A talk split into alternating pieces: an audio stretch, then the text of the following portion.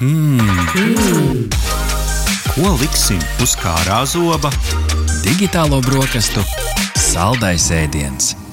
Dienā, kad tieši pirms gada, 24. februārī, sākās plaša mēroga Krievijas federācijas iebrukums Ukrajinā, un laikā, kad tikko ir sācies Pilsoniskās alianses organizētais mītīņš Ukraiņas atbalstam pie brīvības pieminekļa, izskan raidījums Digitālās brokastis.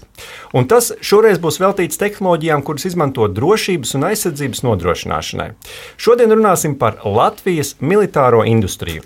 Raidījumā noskaidrosim, cik plaša ir Latvijas militāro tehnoloģiju industrija un kā tiek sekmētas inovācijas šajā jomā, un par to visu sīkāk vaicāsim mūsu šīs dienas raidījuma viesiem. Un ar mums kopā ir Latvijas Drošības un aizsardzības industrija federācijas valdes priekšsēdētāja Elīna Egle. Labrīt! Labrīt!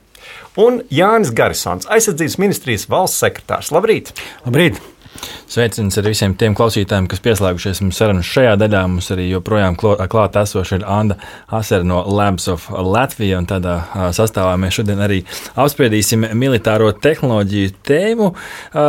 Sākumā kolēģi varbūt noraksturojam, kāda ir Latvijas militārā industrija, par ko mēs, kādās kategorijās mēs vispār varam domāt kur Latvija startē tieši militārajā industrijā, ar kādām tehnoloģijām mēs eh, kādos virzienos strādājam. Elīna, dāmām priekšroka. Jā, protams, vienmēr, vienmēr ir prieks dzirdēt, kā uz industriju raugās tieši lietotājs, bet es domāju, ka aizsardzības ministrija arī kontekstā Nacionāla bruņoto spēku aizsardzības spēja attīstība gan jau, gan jau kādus savus akcentus pateiks, bet um, kopumā, kopumā ņemot Latvijā mēs varam runāt par Uh, uzņēmumiem, kas strādā dažādās jomās. Tātad mēs visbiežāk runājam par dažādiem inženieru, inženieru sistēmu integrētājiem, ražotājiem, infrastruktūras attīstošiem uzņēmumiem, kritiskās infrastruktūras uzturētājiem. Otrs bloks, par kuriem mēs varam runāt, ir viss, kas ir saistīts ar dažādu sistēmu, transporta sistēmu ražošanu, viņu uzturēšanu, gaisa, jūra, zeme. Uh, Mēs noteikti varam runāt par sakaru komunikācijas sistēmām, informācijas komunikāciju tehnoloģiju uzņēmumiem, kas atbalsta visu, kas notiek kibertelpā, arī, arī kosmiskā telpā, satelīta tehnoloģijas un tā tālāk. Un vēl viens ļoti varbūt tāds redzamākā mūsu sadaļa ir, mēs viņu liekam grupā cilvēku faktors, individuālais kolektīvais ekipējums, viss tas, kas ir ikdienā vajadzīgs karavīram, lai viņš būtu, būtu spējīgs funkcionēt. Un Kas varbūt ir mūsu niša vai priekšrocības pasaules tirgu? Jo skaidrs, ka šie uzņēmumi noteikti absolūtais vairākums eksportē savu produkciju, vai vismaz lielāko vairumu produkcijas eksportē, kur mēs esam uz tās lielās pasaules bildes. Liela, uz lielās pasaules bildes mūs nesaredzēs varbūt masu produktu ražošanā, jo atjaunojot Latvijas valsti, pievienojoties NATO un Eiropas Savienībai, protams, ka mūsu ekonomika izgāja liela transformācija un, un lielie industriālie ražotāji, kas strādāja, tā skaitā uz militāro industriju, savu darbību izbeidz. Mm, tas, kur mēs šobrīd esam visaktīvākie, nu, ir tādas labi zināmas varbūt tēmas, kas šobrīd arī ir palīdzējuši mūsu draugiem Ukrainā, tie ir, tie ir droni. Tas, kas šobrīd ir ļoti, ļoti vajadzīgs Ukrainā, tie, tajā, tie noteikti ir dažādi energorisinājumi, tie ir ģeneratori. Uh, un uh, noteikti tās ir dažādas uh, sakaru sistēmas, IT sistēmas un tāds viens atsevišķs ļoti karsts darba lauks, par kuru es domāju, jūs ikdienā visvairāk runājat. Tā ir kibertelpa, kur arī šobrīd mūsu uzņēmumiem ir vislielākā slodze. Mhm. -huh. Jā, ko jūs gribētu piebilst, un kāpēc ir nozīmīgi, ka Latvijā ir šāda industrija?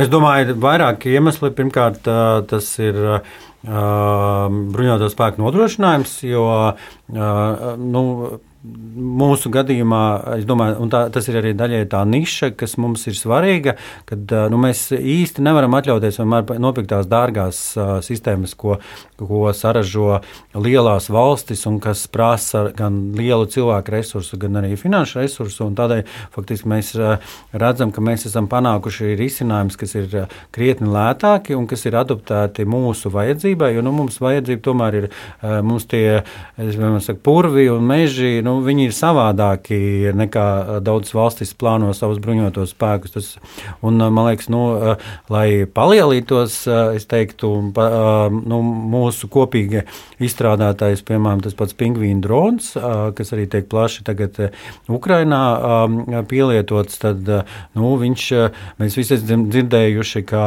Bairaktāru, viss lielie un tam līdzīgi, bet nu, trofeju izstādē Maskavā mūsu pingvīns bija blakus Bairaktāram.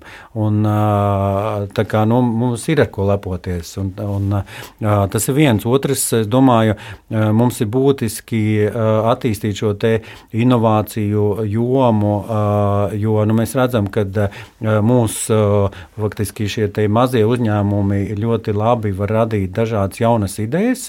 Un, nu, tas pēdējais, protams, mūsu apgāde kopumā, jo nu, mēs redzam tagad Arī kara apstākļos, ka faktiski tās apgādes līnijas ražošanas jaudas ir mazas.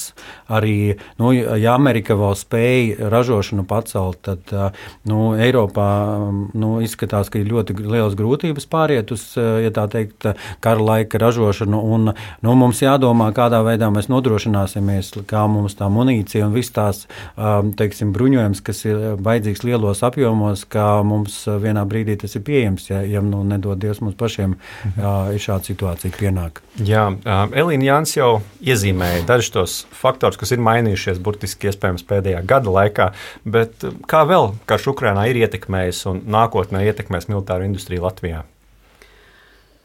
Jā, es domāju, ka tas ceļš, ko mēs esam gājuši, lai mums būtu šie produkti un lai mēs patiesībā pagājušā gadā būtu varējuši palīdzēt Ukrainai, viņš nesākās pagājušā gada 24. februārī. Un te ir jāsaka liels, liels atbalsts, es domāju, kopumā sabiedrības noturībai un izpratnē par aizsardzību ir veidojusies līdz ar visaptvarošu valsts aizsardzības koncepcijas veidošanu, ka ļoti daudzās tautsājumniecības nozarēs mums bija iespēja diskutēt par, nu, būsim atklāti par mūsu ievainojamību, kas ir tās lietas, kas mums ir jāmaina.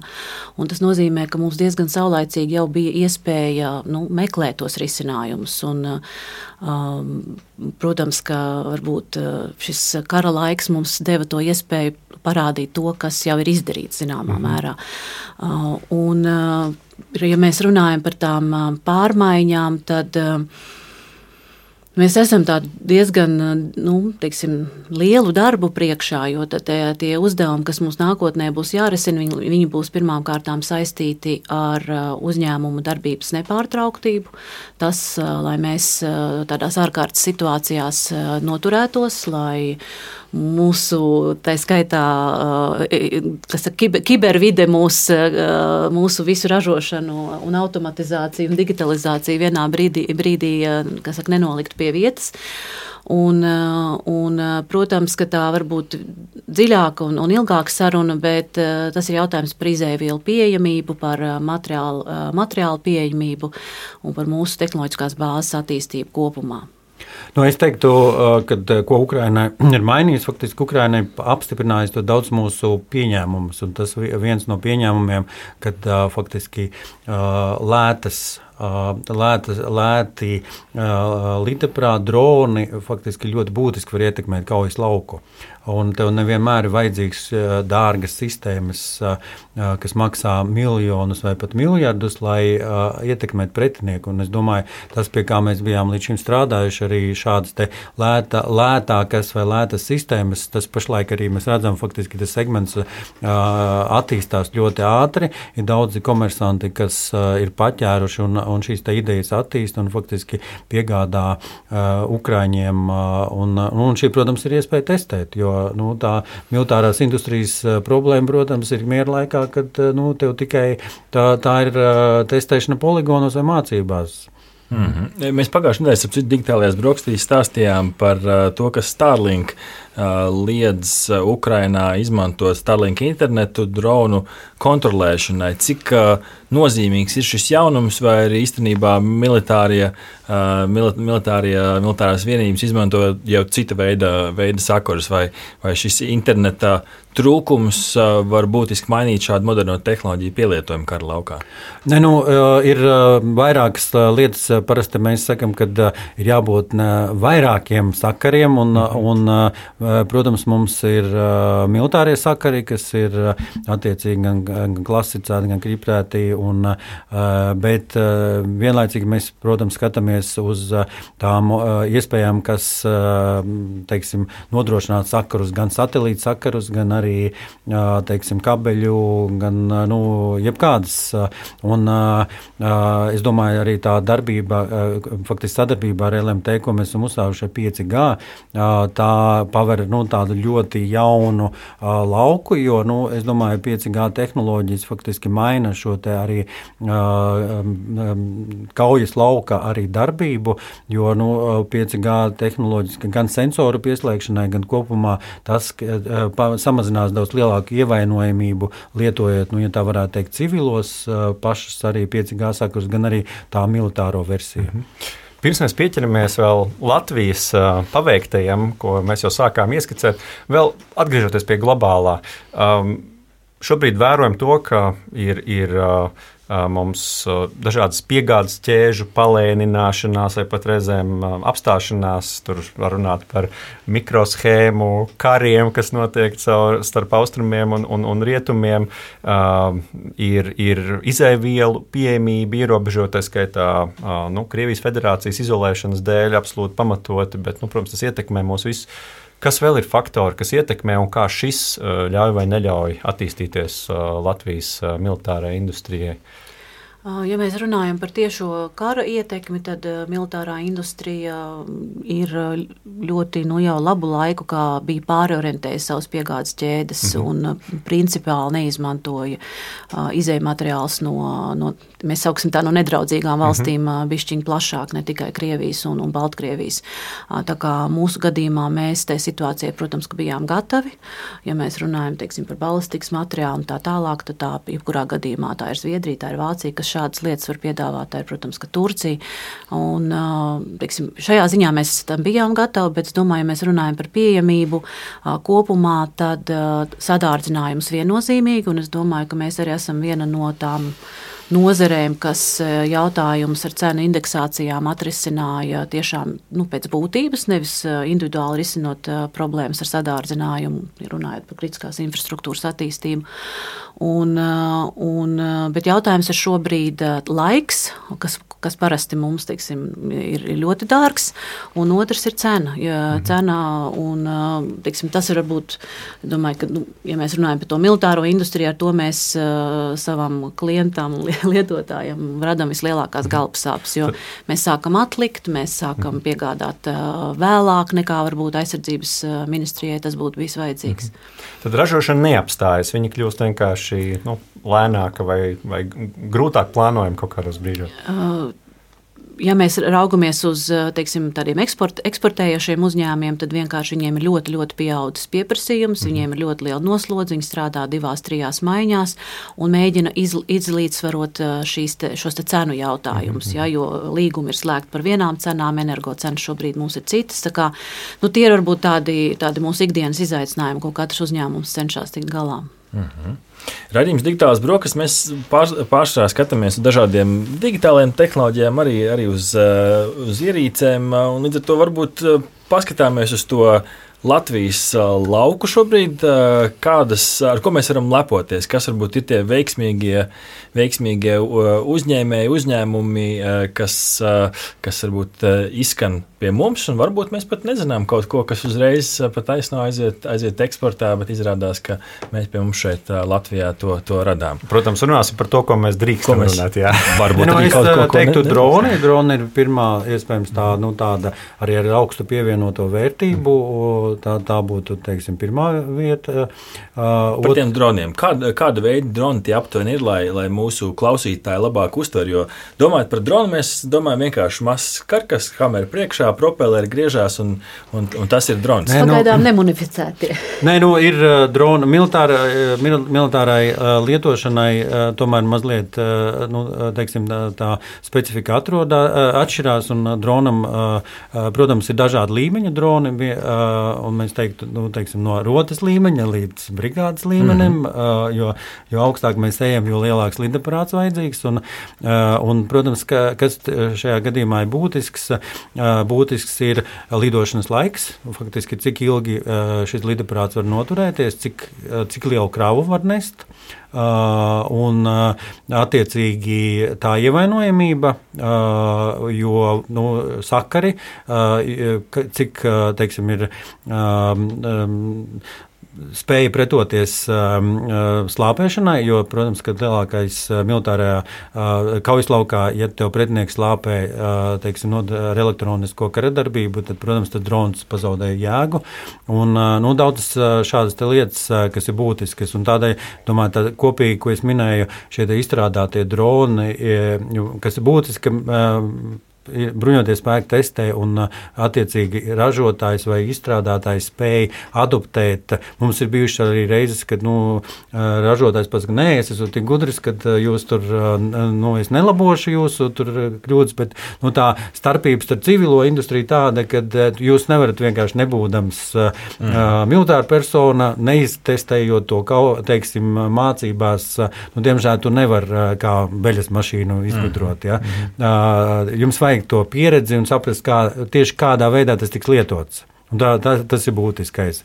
Un, uh, nu, otra lieta, ko mēs, ko mēs uh, domāju, esam priekšā, tas ir šī 5G, ko es minēju. Arī, jo nu, faktiski mēs esam izveidojuši testa poligonu un spējuši saslēgt jau vairākas, vairākus bezpilotā. Mašīnas, tā varētu teikt, eh, un vadīt tās nu, attālināti pat eh, teiksim, liekas, 30 km attālumā no, no, no tās atrašanās vietas. Eh, un, nu, faktiski tas, tas devis mums diezgan teiksim, daudz priekšrocības. Arī pat Amerikas Savienoto Valstu kolēģi braukuši šeit un, un attiecīgi mhm. ir ieinteresēti turpināt sadarbību un NATO. Nu, šīs ir tās lietas, plus, protams, nu, daudz inovatīvās lietas, kas ir, manuprāt, šie bezpilotā arī sauszemes bezpilotā mašīnas, ja tā varētu teikt, Natriks, piemēram, arī, kas ir mūsu grantu programmā, ir radies un kas tiek pilnveidots. Un, man liekas, svarīgi, ka mēs atrodam tādas nišas, kas tiek faktiski, man liekas, nu, kas neeksistē tirgū. Un, kas mainās tajā 5G pielietojumā attiecībā uz tehnoloģijām? Tā ir kaut kā tā sakaru kvalitāte, ka tu vari dažādās, vienalga kāds šķērslis priekšā, 5G tīkls to mašīnu spēju aizsniegt. Ar to tas ir labāk nekā iepriekšējo sakaru versijas. Tā, es, protams, neesmu liels eksperts atzīšos, bet nu, māku paskaidrot. Mm -hmm. Mainās tas, ka ir signāla, kvali, signāla kvalitāte un signāla signāla um, um, datu pārraidība. Mm -hmm. un, uh, ja tu pie pašreizēja parastā tīkla vari pieslēgt uh, caur vienu, uh, teiksim, uh, ieju vienu sensoru, vai tev tas jāsadala, tad 5G tīklā tu vari vienlaicīgi saslēgt uh, neskaitāmus sensorus, uh, un, un, un te, šādā veidā uh, tu vari attiecīgi vadīt uh, caur attālināti. Mm -hmm. Tas samazina to ievainojamību attiecīgi. Un, protams, datu plūsma ir, ir pilnīgi savādāka. Elīna, ar ko vēl varam lepoties? Varbūt kas ir tas, ko gribās izcelt? Mūsu mīļais latviešu režisors Streičs Jānis vienmēr, vienmēr man mācīs, ka tā lepošanās laikam nav tāda ļoti laba lieta, bet es domāju, mēs viennozīmīgi varam būt gandarīti par to, ka Katrā pasaules tirgu ir noteikti arī dzen, divējādas pielietojamības Latvijā ražot produkti, kas Latvijas vārdu nes. Un, Ir pāri pa 40 valstīm, kas pazīst mūsu slavenās labās militārās kannas. Ja? Mhm, tad Valpro. Protams, ka Valpro, un jūs saprotiet, ka arī tagad viņi strādā pa pilnu jaudu, jo tad, kad notiek reāla krīze, lai mēs kaut kur pārvietotos, mums visiem vajag šīs vecās labās kannas. Un arī ir ļoti liels prieks, ka arī NATO iepirkuma aģentūras kontekstā ir viens ļoti liels iepirkums, kurā ļoti daudz valsts ir apvienojušās kopā. Un vēl šo valstu skaits tikai aug. Mūsu, mūsu tiešām slavenais Valmiers, Valmiers Valpro strādā uz priekšu. Tāpat tās Natriks tēvu, ja tā varētu teikt, Brasa Defense Systems, kas jā, attīstīja šo produktu, domājot, kā viņi vēl var palīdzēt ar savu individuālo ekipējumu karavīram, izveidojot šo Natriks, kas palīdz nesāt sākumā somas, bet šī funkcionalitāte šai bezpilota sistēmai pieaug. Bet, protams, kad pasaulē ļoti daudz vietu viņus pazīst tieši ar individuālo, individuālo apģērbu, taktisko apģērbu, apģērbu ļoti daudz specvienības, drošības dienestus. Un arī šo valstu tirgus, nu, manuprāt, kaut kur pie 30 arī noteikti būs. Um, Eiropā kopumā, un, un teiksim, arī runājot par, tā, par to nākotni, kur mēs ejam, mums ir, es teikšu tā, viens no labākajiem mazo vidējo uzņēmumu kategorijā pro, projektiem, kas tika apstiprināts Eiropas aizsardzības fondā, un tas ir Exonikus, tas ir virtuālais traumu simulators, tātad tas ir priekš militāriem mediķiem domāts. Un mums ir liels prieks, ka to ir pamanījuši un, un atbalstījuši gan Amerikas armijā, gan šobrīd arī Eiropa ir sapratusi, ka šis mhm. produkts kaujas laukā noderēs. Un tātad katrā no šiem valstu tirgu, tirgiem ir, ir šie mhm. produkti. Mums ir fantastiskākais profesionālais ūdenslīdē ekipējums. Pasaulē ir trīs lielas kompānijas, kas parasti cīnās, un mūsu liepainieki ir viena no šīm kompānijām, un tas ir uzņēmums Interspiro. Ja? Tā kā, mm. Nu, un, un, principā, mēs varētu pa katru spēju mhm. veidiem šādā veidā iet un, un atgriežoties bišķiņu pagātnē, kas nu, projekts tik liela mēroga projekts varbūt arī nav bijis, bet tas, ka dati grupa ir strādājuši pie Airbus, pie NATO virzemes novērošanas projekta, kas tika arī pāris gadus atpakaļ oficiāli tika tika arī dzen, prezentēts un uzsāka savu darbu. Nu, tas ir ļoti liels mūsu IT nozares panākums. Uh, jā, nedzirdēju pieminām nu, tādas lietas, kas ļoti plaši izskanēja mēdījos, piemēram, Patrija kaujas mašīnas. Uh, Foks, man liekas, tādas vieglās, vieglās mašīnas. Tāpat es dzirdēju, ka ir pat uh, skrējriteņi priekš uh, armijas vajadzībām. Kā ar šo mašīnu būs sadaļa? Ja Vislabākā reklāma ir tad, kad jau runā, jau, jo jūs jau to labāk zinat. Bet es varu tikai arī pateikt paldies to, ka Nacionāla bruņoties spēki šajā pēdējā parādē parādīja daudzus, uh, mhm. daudzus tādus labus veikumus tieši mašīnu būs jomā. Un, un, protams, protams, uh, tā ir gan, gan Patrijas 6x6 uh, klāsters, kas dod iespēju ļoti daudziem Latvijas Latvijas uzņēmumiem strādāt. Tie ir, tie ir atlas droni, tie ir edge autonomija droni, tie ir arī dzen, dažādi kvadrcikli, tie ir bagī. Un, nu, mēs redzam, ka tā vēlme radīt vēl un vēl ir. Mums būs jādomā, kā to visu veiksmīgi tālāk marketēt un pārdot. Ne, nu, es domāju, tieši tā, faktiski mēs esam izveidojuši. Nu, es arī varētu palielināties, ka pirms pieciem, sešiem gadiem mums nebija nekā gandrīz. Nu, bija pāris uzņēmumi, un pēdējos piecos gados tā lielākā attīstība ir notikusi. Un, nu, mēs arī ir izdevies izveidot faktiski tādu, ja varētu lietot ekosistēmu, sākot no teiksim, pētniecības programmas, kas ir fundamentālā ko mēs attiecīgi ar ko finansējam dažādas pētījumus un radām nu, to zinātnisko bāzi.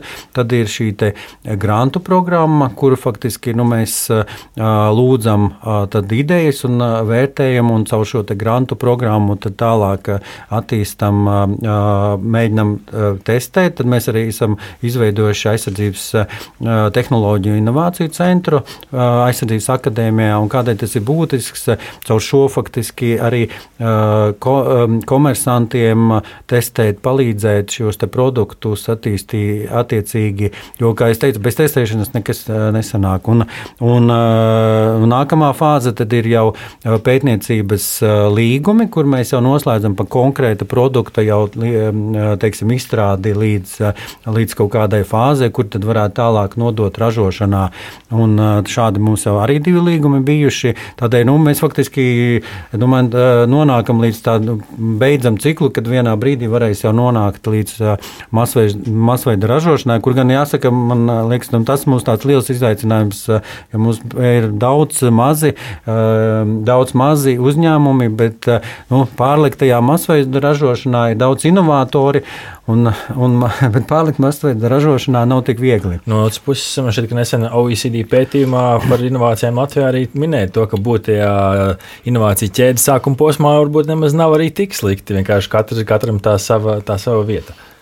Jā, Elīna jau pieminēja Exonikus, traumu simulātoru. Kas vēl ar jaunu uzņēmumiem notiek šajā nozarē? Cik aktīvi jaunu uzņēmumi grib, vēlas un viņiem izdodas iesaistīties militārajā nozarē? Runājot par jaunu uzņēmumiem, jāsaka, mēs arī, arī tur ir diezgan daudz kas darīts, gan jāsaka, tā pirms Covid laika, un, un arī tagad. Jā, tie ir tie gan aizsardzības ministrijas un Rīgas Tehniskās un universitātes rīkotie um, hackathoni un mehatoni, kur mēs cenšamies ieinteresēt šos cilvēkus. Mums katru gadu notiek unikāls pasākums, kurā mēs aicinām ikvienu labāk izprast vajadzības, kādas ir Nacionāla bruņotiem spēkiem mūsu industrijas dienās. Arī pie šīm industrijas dienām ir iespējas arī demonstrēt ādažu bāzē. Tā skaitā ne tikai Latvijas, Latvijas armijas cilvēkiem, bet arī mūsu sabiedrotajiem tās jaunās idejas, kas, kas top un veidojas. Un, un pagājušajā gadā, ja nemaldos, tur pat 40 uzņēmumu bija. Un, un, un mēs jau arī radinām tos arī nobriedušos uzņēmumus, negulēt uz lauriem, bet visu laiku nākt ar jaunām idejām. Tā kā tās ir iespējas uzņēmumiem nākt sevi rādīt, un tālāk jau mēs ar viņiem strādājam, lai palīdzētu viņiem labāk saprast gan tās prioritātes, kas ir nacionālā līmenī, kas ir Eiropas līmenī, kas ir NATO līmenī, kur viņi var iesaistīties, kur viņi var meklēt šos lielos prājumus un, un iesaistīties kādās piegādes ķēdēs, vai nu ražojot komponentus vai, vai kādas sistēmas. Tā kā nu, tas, tas nu, tas process patiesībā ir diezgan, diezgan aktīvs. Un, un, tātad uzņēmums, ja viņš strādā IKT jomā, tad nu, mēs, protams, tālāk, tālāk runājam par šo domēnu, kas notiek tajā pašā NATO komunikācijas informācijas aģentūrā. Aicinām un palīdzam, tā skaitā līdzfinansējam viņu braucienus uz šīm lielajām izstādēm, lai viņi saprastu, kādi tad būs tur tie lielie iepirkumi, ar kādām lielām kompānijām viņam būtu jādraudzējās, lai mērogotu to savu, mhm. savu piedāvājumu. Ja,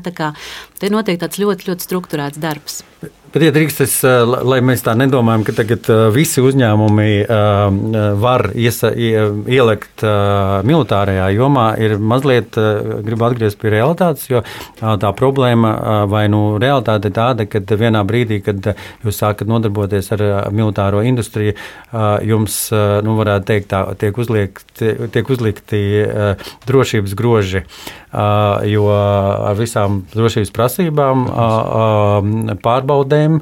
Jums ir jā, jātiek pārbaudīts ne tikai īpašnieki, vadītāji, bet arī personāls, ja tās ir nu, tīri militārās preces. Tādēļ, un, un, diemžēl, ir komersanti, kuri nespēj iziet šīs te, teiksim, drošības prasības. Tādēļ nu, tas nav tā tik vienkārši, kā iespējams dažreiz liekas, un arī pat es domāju par remontiem, par mašīnu būvi. Ja bieži vien mēs domājam, nu, man bija šī teiksim, sarunas, kur saka, nē, mēs tur traktorus remontējam, mēs to remontēsim arī bruņmašīnas. Nu, nav tā īsti, jo tur ir, jā, ir, jā, ir daudz specifiskas drošības procedūras, kuras jāievieš, jo tās ir paaugstinātas gan bīstamības, gan arī paaugstinātas noslodzes mašīnas, kurām ir jābūt, nu, šī, mums ir bijuši patiesībā piecus gadus, mēs gājām uz to, lai komersants saprastu, ko tas nozīmē teiksim, uzsākt militāro mašīnu būvi. Jā. Lielas paldies par šīs dienas sarunu. Tātad iespējas Latvijā komersantiem startēt šajā jomā ir, bet skaidrs, ka jārēķinās ar to, ka ir specifiskas prasības un, protams, tas prasa iespēju, tas prasa zināmu piepūli ielausties šajā te, industrijā. Paldies Elīnai Eglē, Latvijas Drošības un aizsardzības industrija federācijas valdes priekšsēdētājam Jānim Garisonam, aizsardzības ministrijas valsts sekretāram par viesošanos digitālajās brokastīs. Aha! Paldies, ka noklausījāties mūsu līdz galam! Ja patika, uzspiediet laiku, atstājiet komentāru vai padalieties ar draugiem. Un nobaudiet arī citas epizodes, kā arī sekot mums, lai nepalaistu garām savu ikdienas tehnoloģiju ziņu devumu.